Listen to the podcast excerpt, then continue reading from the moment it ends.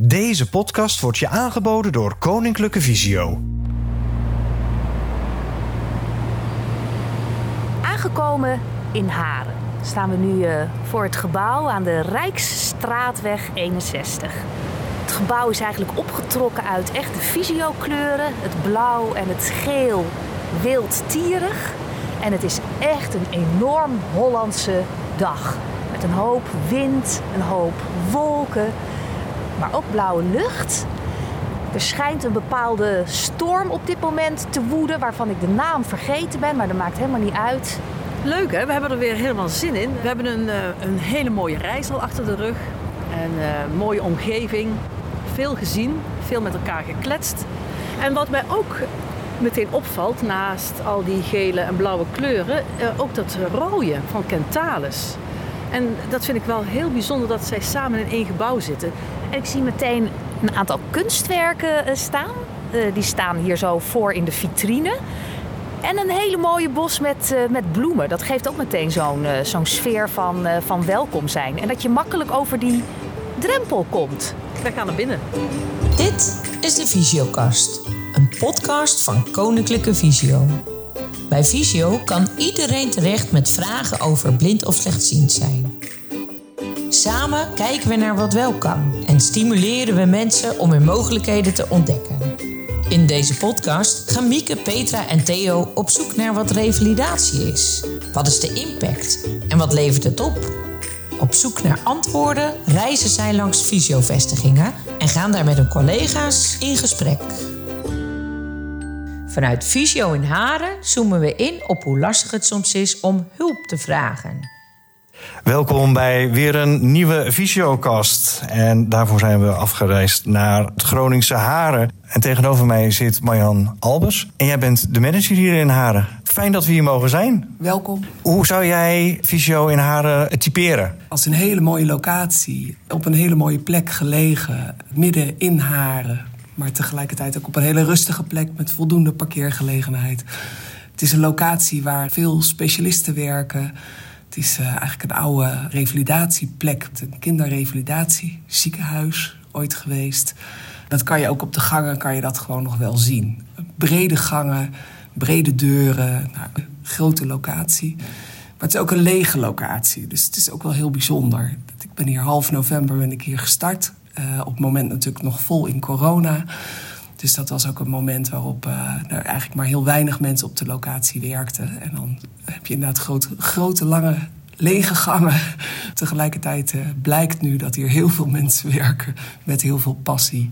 En vind ik het langzamerhand zelf ook gewoon een hele fijne locatie om te werken. Je geeft net aan hè, dat je hier nog niet zo heel lang werkt. Dan ben ik wel heel benieuwd waarom je voor Visio gekozen hebt. Wat ik zo mooi vind aan Visio is dat we zowel werken aan uh, zeg maar de basale toegankelijkheid van onze organisatie, maar ook toegankelijkheid van de samenleving.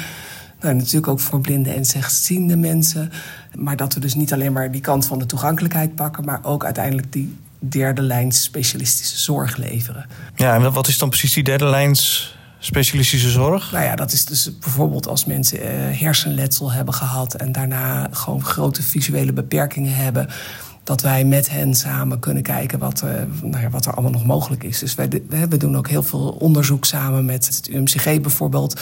Dus we hebben gewoon echt heel specialistische topzorg wat we hier binnen Visio leveren. En dat ja, vind ik echt heel bijzonder. Dus er is zoveel meer mogelijk dan wat ik zelf ooit uh, had bedacht, zeg maar. Dus dat vind ik gewoon heel erg leuk om daar uh, nou ja, een steentje aan bij te kunnen dragen.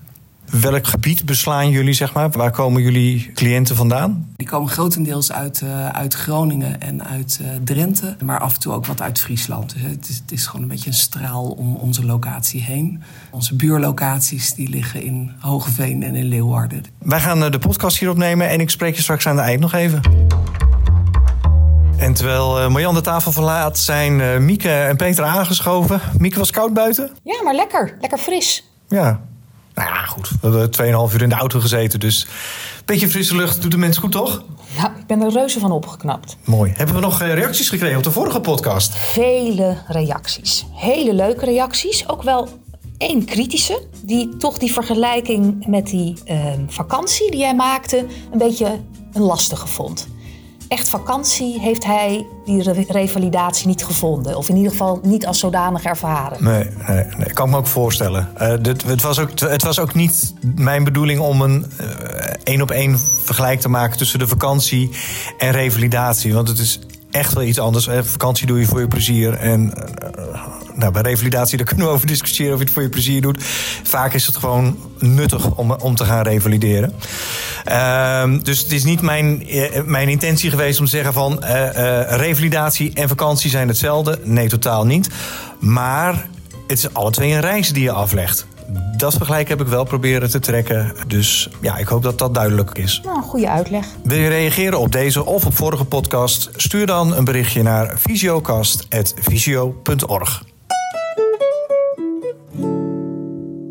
Als je eenmaal een diagnose hebt gehad, ja, dan komt er natuurlijk een volgende stap. En dat is het moment dat je misschien hulp nodig hebt in het revalidatieproces.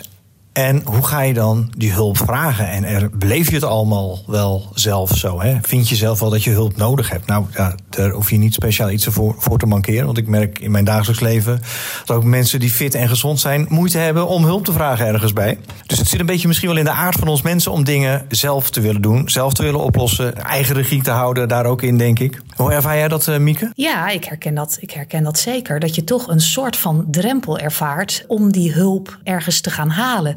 En te moeten toegeven dat je het niet helemaal alleen kunt. En het woord drempel, hè, daar, daar gaat deze aflevering uh, over. We hadden het er net ook al eventjes over bij binnenkomst.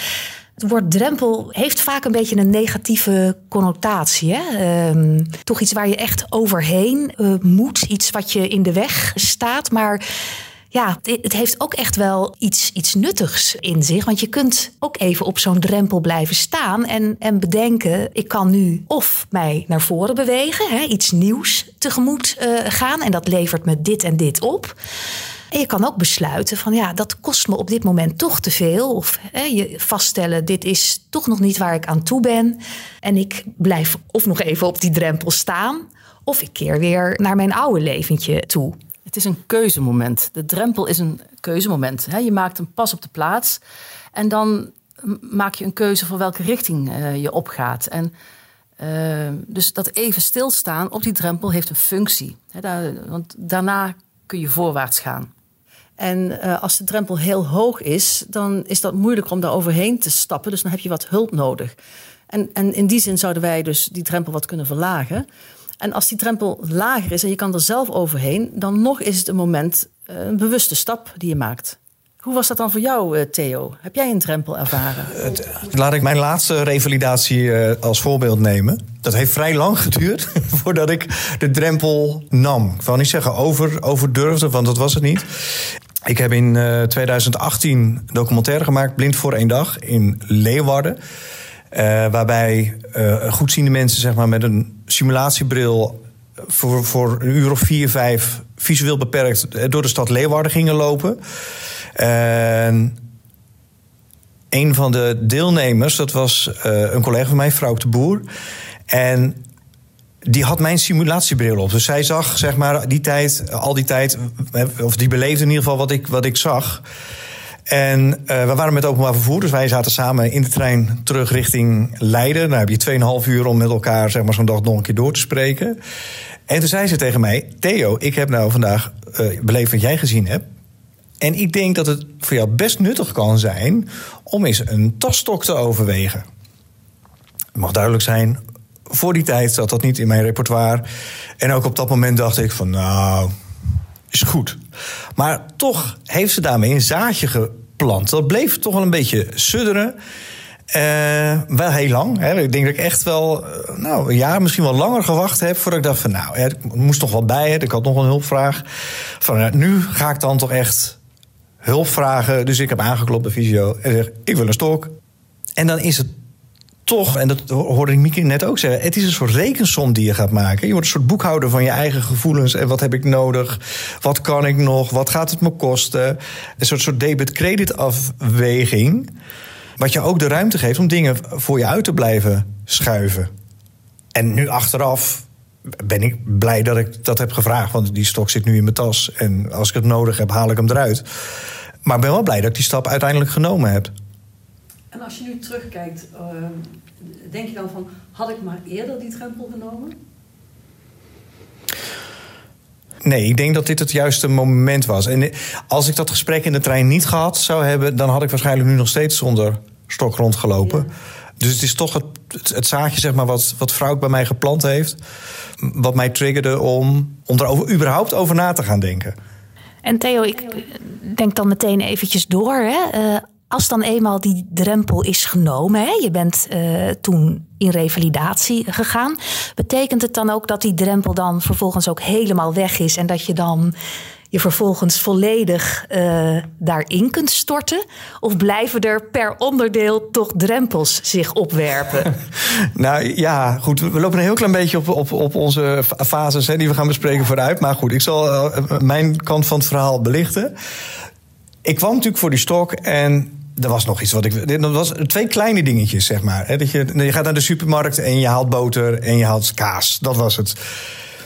En uiteindelijk, hè, dan kom je bij Visio terecht en dan krijg je een gesprekje zus, een gesprekje zo. En dan wordt er nog eens gevraagd, hoe denk je daarover?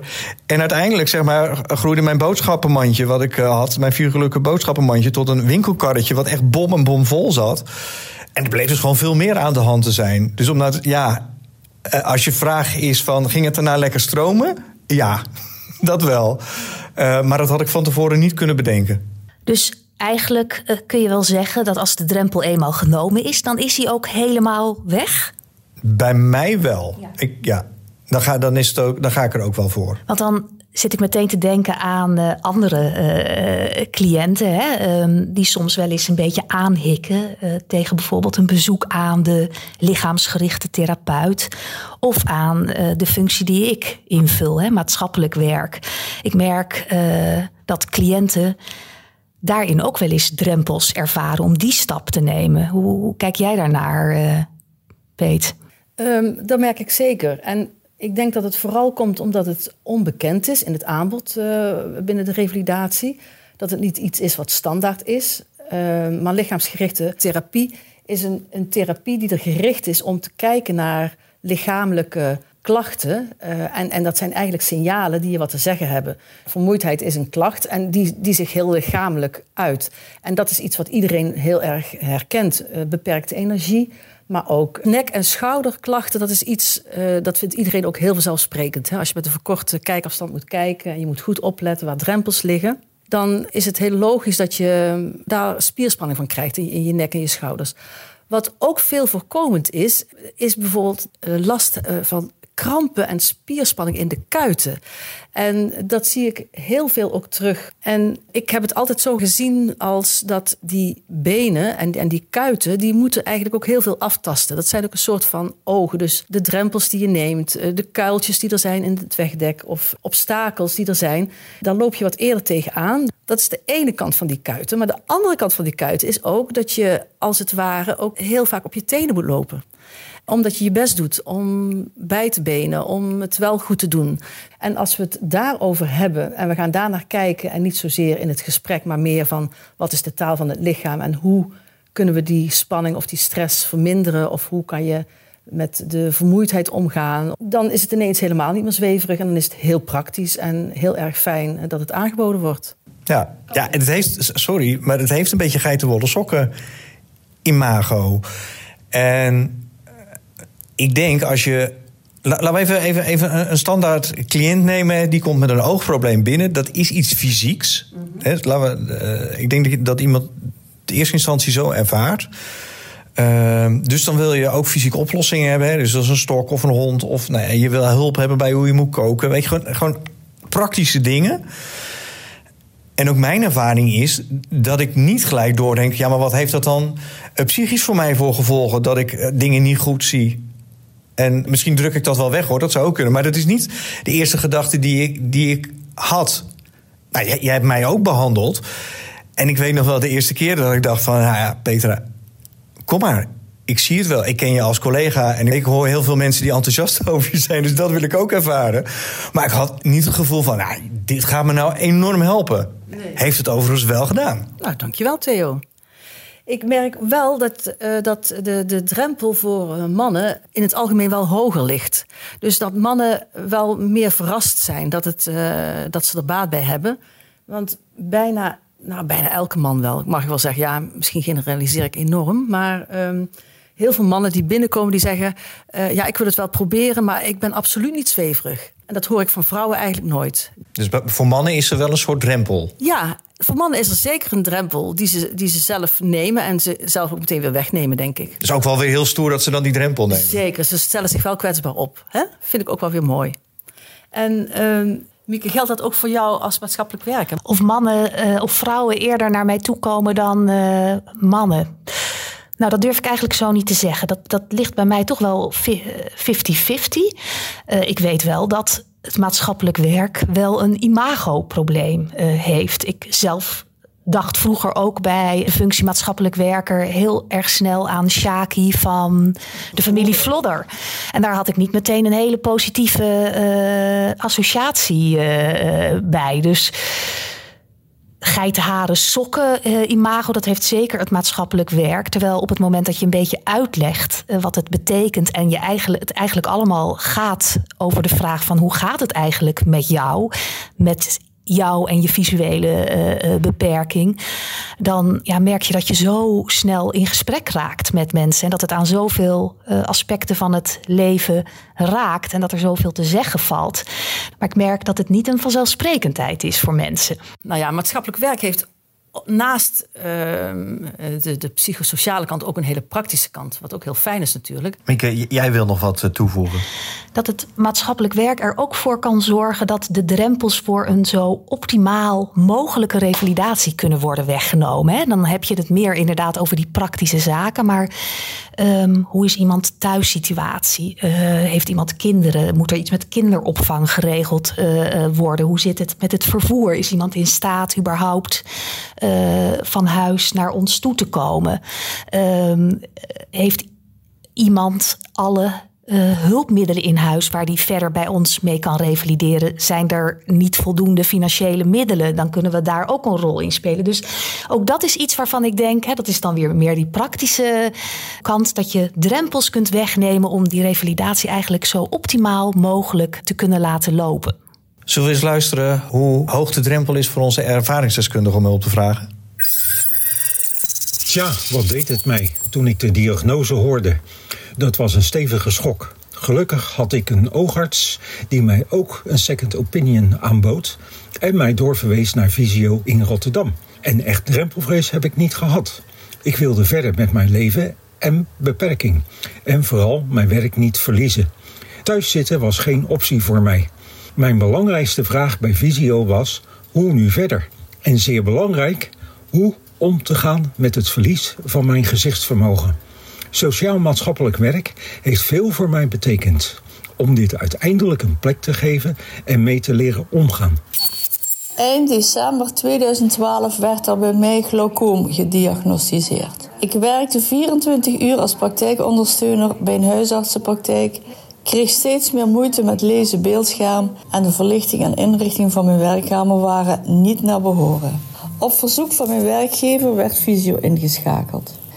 Conclusie van de ergotherapeut, die wat langer keek dan haar neus lang was en zag dat ik moeite had met de gevolgen van mijn aandoening, verwees ook zij mij naar maatschappelijk werk bij Visio. Ik ben haar nog steeds dankbaar. In het begin zag ik meer dan nu.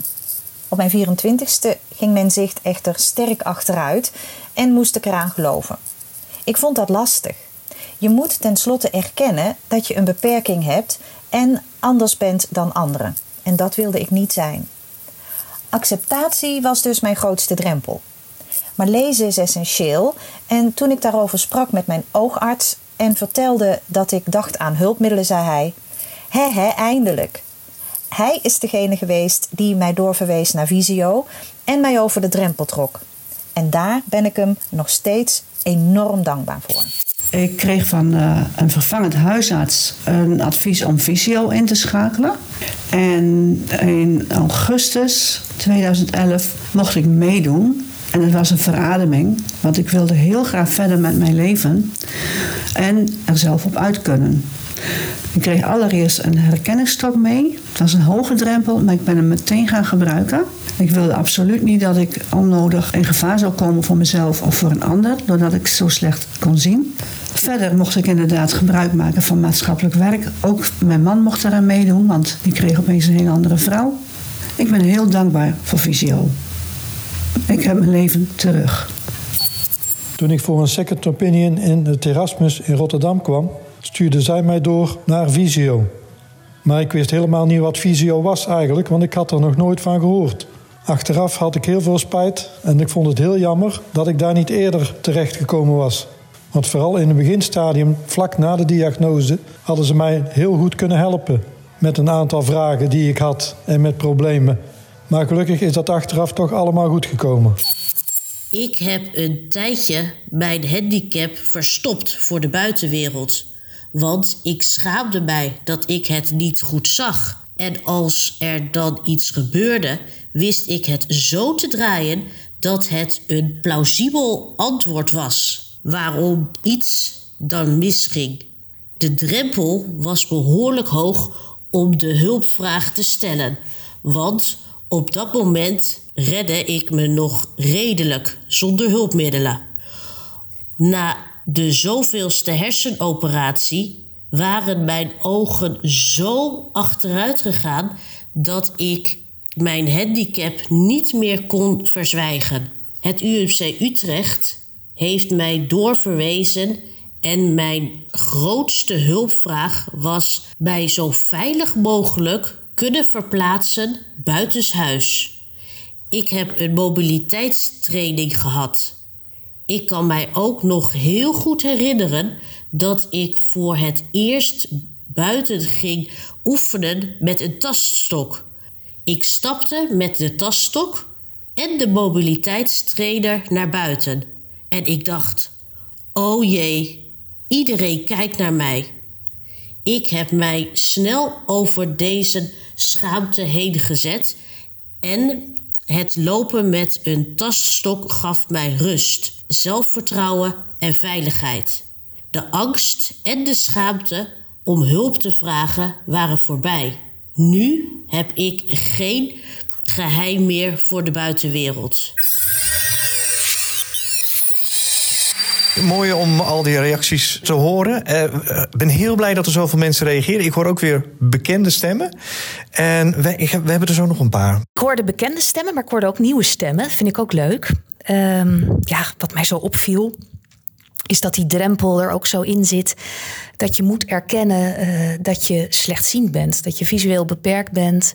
Uh, en dat je daarmee anders bent. En dat daarmee ook weer zoveel schaamte gepaard uh, gaat. En ja, dat het dan de kunst is om die schaamte af te leggen. Nou, die stok, hè, die komt ook steeds terug. Dat blijft ook zo'n zo'n ding. Nou, jij, jij net ook al, Theo. En hoe belangrijk het is dat die oogarts en die vervangende huisarts er is, die uh, onze cliënten verwijst. En ik vond überhaupt mooi hoeveel er bij het maatschappelijk werk hebben gezeten. Ja, en ook wat jij inderdaad zegt, soms heb je een zetje nodig om bij de drempel te komen. Die oogarts en die vervangende huisarts. En zo zijn er natuurlijk heel veel mensen om je heen die je net dat duwtje kunnen geven van joh, misschien moet je toch eens over hulp na gaan denken. Ja. Het mooie is dat het moment ook zo goed onthouden wordt. Dus hè, toen heeft die en die dat tegen mij gezegd. En toen ben ik het gaan doen. Dus er is echt ook, ook ja, dat keuzemoment van wanneer pak ik die drempel. En wat ik ook mooi vond om te horen is dat de een zei uh, met het aanbod van een, een, een, stok, ik ben hem meteen gaan gebruiken. En de ander uh, dacht van nou, voor mij nog niet, ik verstop me liever, ik doe het liever zonder. Dus ook dat voor de een uh, zo'n grote drempel is, voor de ander meteen van nou, ik, ik neem hem, want dat kan me verder helpen. Gaan we naar de tweede boeketje van reacties. Als jong kind ben ik slechtziend geworden. En met name mijn ouders hebben toen hulp gevraagd bij Visio. In eerste instantie waren het leeshulpmiddelen en het leren lopen met mijn stok. En later heb ik braille geleerd. Vrij recent, toen mijn restvisus totaal is weggevallen, heb ik opnieuw een beroep gedaan op de ergotherapeut, maar ook op maatschappelijk werk voor mijn emotionele welzijn. Hulpvragen is niet mijn sterkste kant, maar als ik eenmaal die stap heb gezet, is het echt enorm fijn. In 1999 kreeg ik de diagnose RP. Daar heb ik het behoorlijk moeilijk mee gehad. Vooral de onzekerheid over hoe het proces verder zou lopen. Bij Visio ben ik pas in 2012 terechtgekomen door mijn leidinggevende. Ik ben bij Koninklijke Visio Rotterdam terechtgekomen tijdens mijn oogonderzoeken in het Erasmus MC Rotterdam. Ik, ik wist totaal niet wat, wat dat inhield. Ik ben daar terechtgekomen uiteindelijk en ook vooral doorverwezen door adequaat handelen van uh, de oogarts. Zij heeft mij uh, ontzettend geholpen om eigenlijk voor mij die stap te zetten. En daar ben ik er nog steeds dankbaar voor. Het was voor mij ook geen drempel. Tot de dag van vandaag ben ik daar alleen maar heel blij mee. Um, het was niet altijd makkelijk, maar ik ben echt uh, alleen maar positief verrast door uh, alles wat, wat wel kon en, en kan. En alle trajecten die er zijn en mogelijkheden die er zijn. Dus voor mij was dit een zegen. Mijn eerste bezoek aan fysio dateert van zo'n 20 jaar geleden. Ik had een heldere hulpvraag. Ik wilde leren stoklopen. Echter, ik werd een traject ingesleurd bij fysio, wat niet alleen de mobiliteitstraining behelste, maar allerlei andere plannen werden mij voor de neus geschoven. Het vervelende was dat de loepenbrillen die een andere organisatie mij hadden voorgeschreven, zo ongeveer achterloos van tafel werden geschoven van die heb je niet meer nodig. Dat stak bijzonder. We waren boos. En we voelden ons eerlijk gezegd niet goed gehoord. Het is uiteindelijk na een half jaar wachten op een mobiliteitstraining toch nog goed gekomen tussen Visio en mij. De grootste drempel die ik heb ervaren om hulp te gaan zoeken bij Visio was eigenlijk ikzelf. Ik uh, was in de periode voordat ik de diagnose van volledig blind worden kreeg, als slechtziendig zo overtuigd van het feit dat ik het allemaal zelf kon doen. Of eigenlijk dat ik van mezelf vond dat ik het zelf moest doen. Zonder hulp, uh, zonder hulpmiddelen. Um, gewoon meedraaien met de maatschappij. En eigenlijk zat ik gewoon volledig in ontkenning. Ik was wel slechtziend en dat wist ik ook wel. Maar ik wilde me er gewoon absoluut niet aan aanpassen. Ik wilde gewoon net zo leven en net zo zijn als iedereen dat was. En dan komt er een punt dat je dat niet meer gaat volhouden. En als er dan ook een diagnose komt uh, waarin blijkt dat je ogen achteruit gaan. En dat in mijn geval ik ook volledig blind zou gaan worden, kwam er een kantelpunt. Ik had eigenlijk heel veel angst om afhankelijk te worden. En ik had angst hoe dat verder moest voor de toekomst. Met betrekking tot mijn zelfstandigheid, mijn autonomie, mijn mobiliteit ook met name. Die angst en ook het besef dat ik hulp nodig had en het niet alleen kon, heeft mij ertoe gezet om hulp in te gaan schakelen bij Visio. En uh, achteraf gezien is dat gewoon een hele goede stap geweest. Ook weer wisselende reacties uh, ditmaal. Eén iemand die helemaal geen drempel heeft ervaren. Een ander iemand die vertelt meerdere keren te hebben aangeklopt. Omdat ze toch nog niet, niet in één keer de drempel kon nemen. Ja, en dan was er ook nog een, een, een cliënt die uh, een wat mindere ervaring had bij fysio. En dat er eigenlijk een drempel vanuit fysio werd opgeworpen? Ook meerdere drempels. Dat was al in het aanlooptraject, hè, dat ze eigenlijk niet echt serieus werd genomen. Of er werd van alles eh, werd haar geboden waar ze eigenlijk niet echt op zat te wachten. Maar uiteindelijk ook dat er gezegd werd dat ze er eigenlijk helemaal niks aan had. Nou, dat is natuurlijk al heel naar om te horen dat je, je niet erkend wordt in je vraag. Um, of dat het niet aansloot. Ik denk dat het meer was dat het niet, niet goed aansloot op elkaar. En vervolgens dat ze toch gaat voor mobiliteitsles, maar dat er een half jaar overheen is gegaan voordat ze geholpen werd. En dat vind ik een enorme drempel die visio zich maar aanrekenen. En die we helaas ook wel eens vaker horen. Dat als mensen zich eenmaal hebben aangemeld, dat ze ook nog wel een poosje moeten wachten soms. Theo, wat is jouw ervaring eigenlijk in dat aanmeldproces? Nou, ik kan me niet herinneren dat ik heel lang hoefde te, te, wachten, zeg maar. Ik heb me aangemeld en daarna ging het allemaal best wel snel. Ik vind het zo mooi dat zij het woord meegesleurd gebruikt. Want het klinkt toch als iets onvrijwilligs. En Ja, ik moet ook eerlijk toegeven dat ook in mijn revalidatie... dat ik dat gevoel wel eens he- heb gehad. Hè? Dat, dat, dat er in dit geval collega's zijn die echt het beste met me voor hebben. Alleen, ik was op dat moment nog niet daaraan toe. Weet je, je kiest misschien niet altijd in eerste instantie... voor de beste oplossing als revalidant. Je doet wat op dat moment voor jou het beste uitkomt. En ja, misschien schuurt dat ook wel eens. En ik, ja, dit is wel twintig jaar geleden, deze ervaring. Dus ik hoop echt dat, het, dat wij als fysio beter luisteren naar wat onze cliënten eh, willen. Maar toch blijft, denk ik, altijd een beetje op de loer liggen van... ja, maar we weten hoe het moet voor je. We weten wat goed voor je is. Alleen de vraag is, komt die vraag ook vanuit de revalidant? Ja, ik, nou, ik, ik herken het zo, ook bij mezelf, dat ik zo af en toe zelf degene ben die wel eens een drempel opwerpt richting de cliënt. Het is mensenwerk wat we doen. En je hebt ook wel eens dagen dat je wat minder goed afgestemd bent op je omgeving. En dat een cliënt daar ook mee te maken heeft. Je gesprekken gaan niet altijd even goed. Er zitten wel eens wat mindere momenten tussen. En je hoopt dan dat dat niet zo'n drempel opwerpt dat een cliënt daarom zegt: ik, ja, ik kom niet meer. Je hoopt dan dat een cliënt, eigenlijk net zoals deze eh, cliënt, zo open is om dat terug te geven. Hè? En dat is ook altijd wel wat ik zelf vraag aan het eind van een gesprek: van hoe vond je het? Laat alsjeblieft weten als dingen niet prettig waren, maar laat het ook weten als er dingen wel waren die je, die je plezierig vond. En ik denk dat je dat eh, als medewerker bij Visio eh, altijd wel moet doen. Maar realiseer je dat je ook zelf soms degene bent ja, die de drempel opwerpt. Ja, nou ja, mocht, mochten de collega's luisteren, en die luisteren... ik denk dat we het mooi kunnen samenvatten in blijf je verwonderen. Blijf altijd samen met je, degene waar je mee in gesprek bent... blijf luisteren en blijf je verwonderen. Mocht je nou eh, mee willen praten in onze ervaringsdeskundige eh, blokje... dan kan dat. Je bent altijd ervaringsdeskundige. Dus wat mij betreft eh, mag iedereen zich aanmelden... Stuur dan even een mailtje naar visiocast.visio.org en dan eh, nemen wij contact met je op.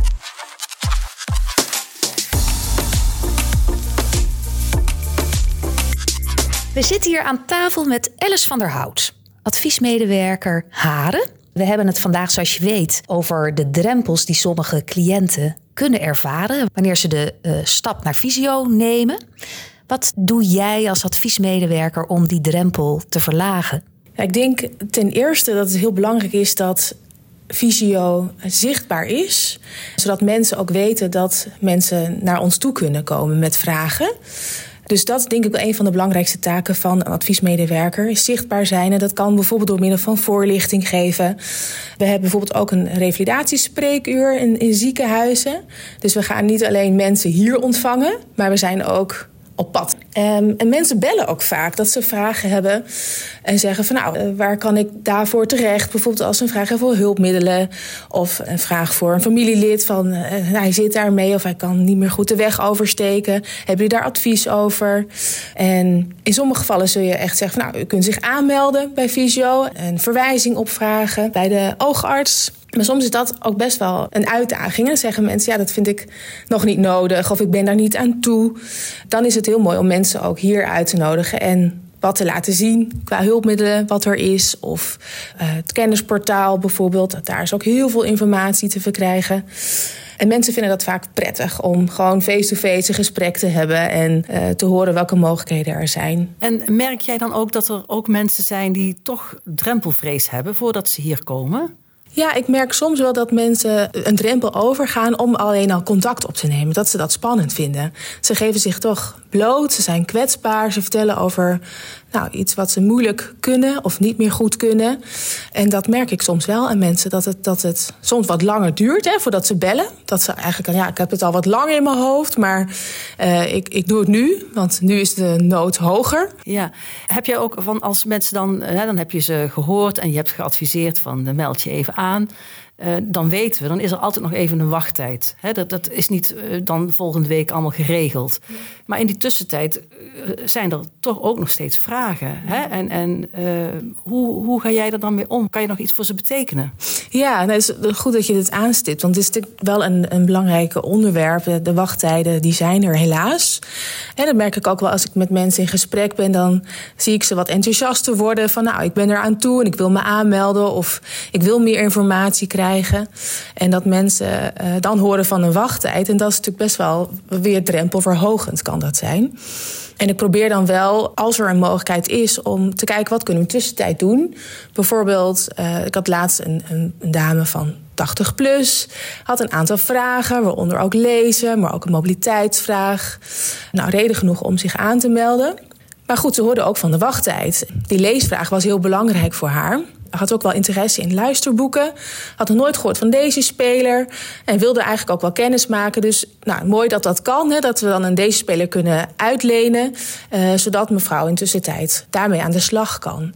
En iets doen heeft in plaats van het lezen wat niet meer goed lukt. Ook als er nog verder vragen zijn. Eh, dan kan ze altijd in die tussentijd uh, bellen naar het adviescentrum. Ja, ze kan bellen naar het adviescentrum en dan langskomen. En dan kunnen we wat hulpmiddelen laten zien. Of uh, wat informatie geven, ook over externe bedrijven. Bijvoorbeeld een oogvereniging, die ook veel contact heeft met mensen die slechtziend zijn.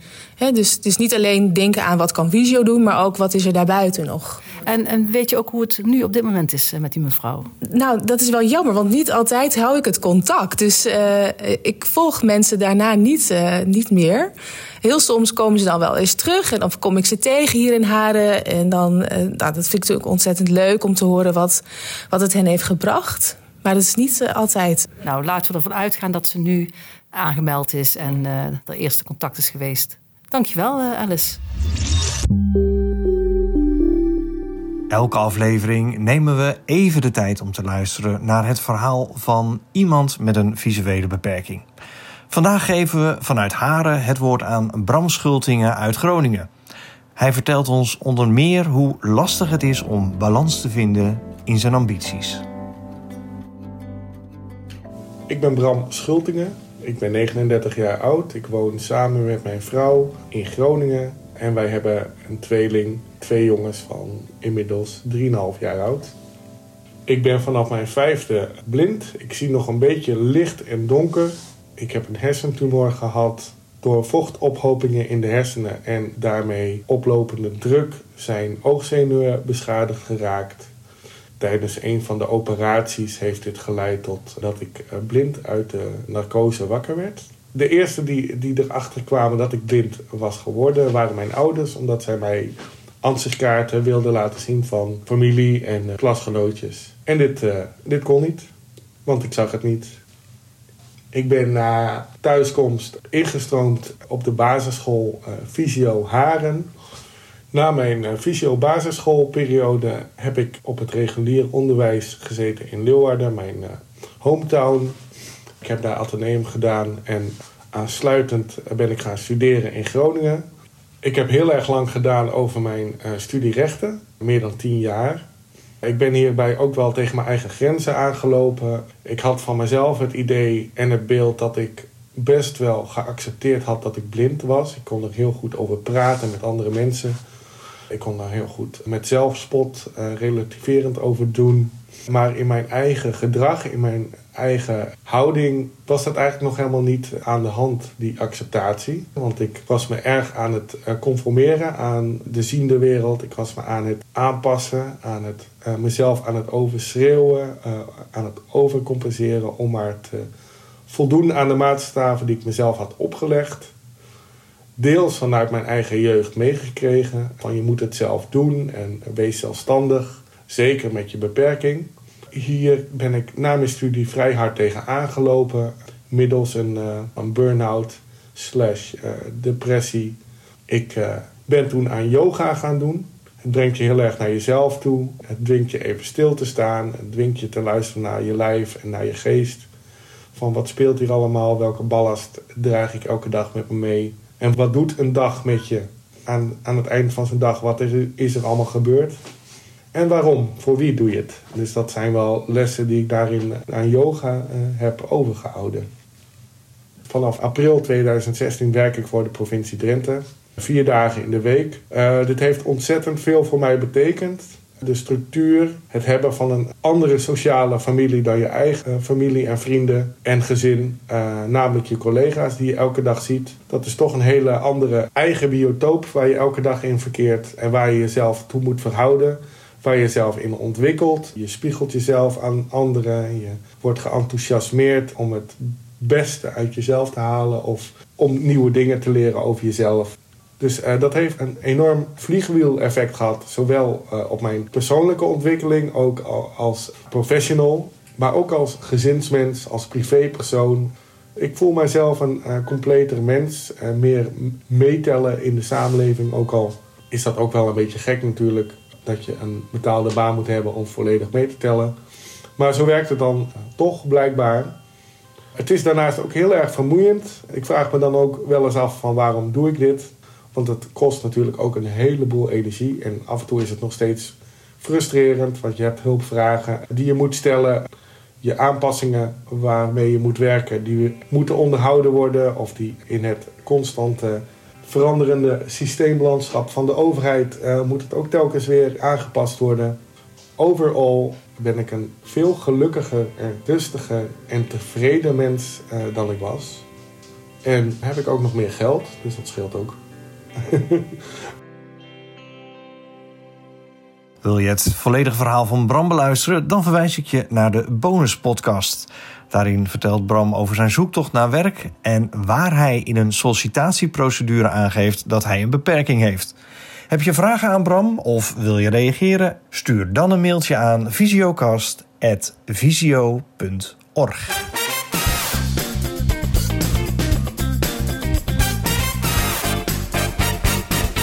Heel veel informatie hebben we al gehad over drempels en alles wat we denk ik nog niet benoemd hebben, Petra, dat heb jij voor ons in de rubriek. Wat weet je van de drempel?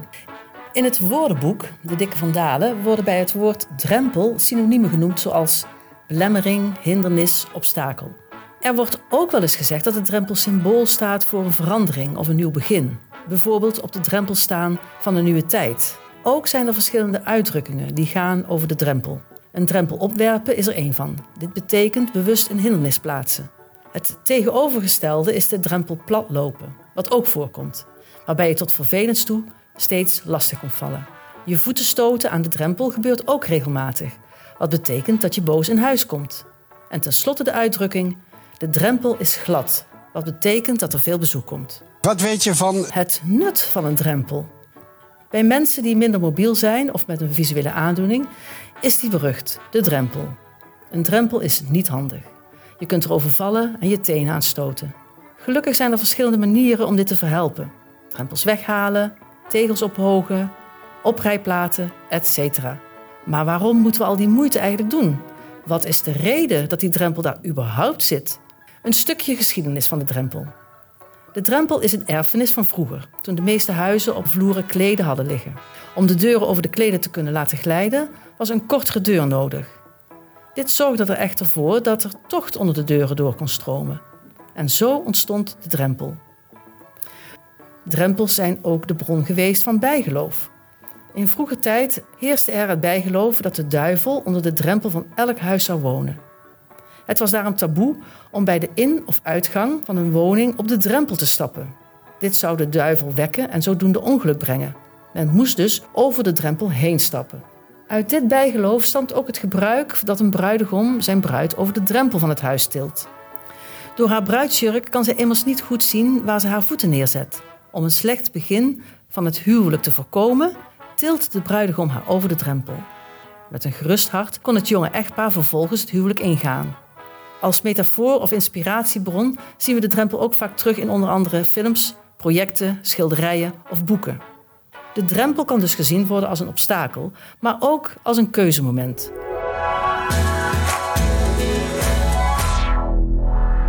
We lopen alweer een beetje naar het einde van deze podcast. Ik heb mooie dingen gehoord. Wat is bij jou blijven hangen, Mieke? Eigenlijk vooral dat het zo logisch is om drempels te ervaren. Uh, dat geldt voor ons mensen, denk ik, uh, in zijn algemeenheid. En mensen zijn in wezen conservatief. Willen het graag houden zoals het is. En als je een stap neemt uh, naar een wereld zoals Visio, ja, dat kan ook veel onzekerheid met zich meebrengen. Verder dat je ook durf nodig hebt om de drempel te nemen. En dat die durf er niet altijd is. Dat soms wat aanmoediging van een oogarts of ouders handig kan zijn. En dat het een nieuwe levensfase kan inluiden, zo'n drempel. Dat het je nieuw perspectief kan bieden. Ja, en ik denk dat een drempel altijd twee kanten heeft. je hebt de kant waar je aan jezelf staat. En eh, misschien staat Visio dan wel aan de andere kant van die drempel. En het is natuurlijk geen eenrichtingsverkeer. Hè? Wij als organisatie hebben ook nou ja, de, de plicht tussen aanhalingstekens om over die drempel heen te reiken en ons te ontwikkelen en verbinding te maken met mensen die ons nog niet kennen. En ik hoop dat we daar in ieder geval met deze podcast in slagen. En bij ons aan tafel weer eens aangeschoven uh, Marjan. Marjan, ik heb een boodschap voor jou, of eigenlijk voor iedereen hier op deze locatie.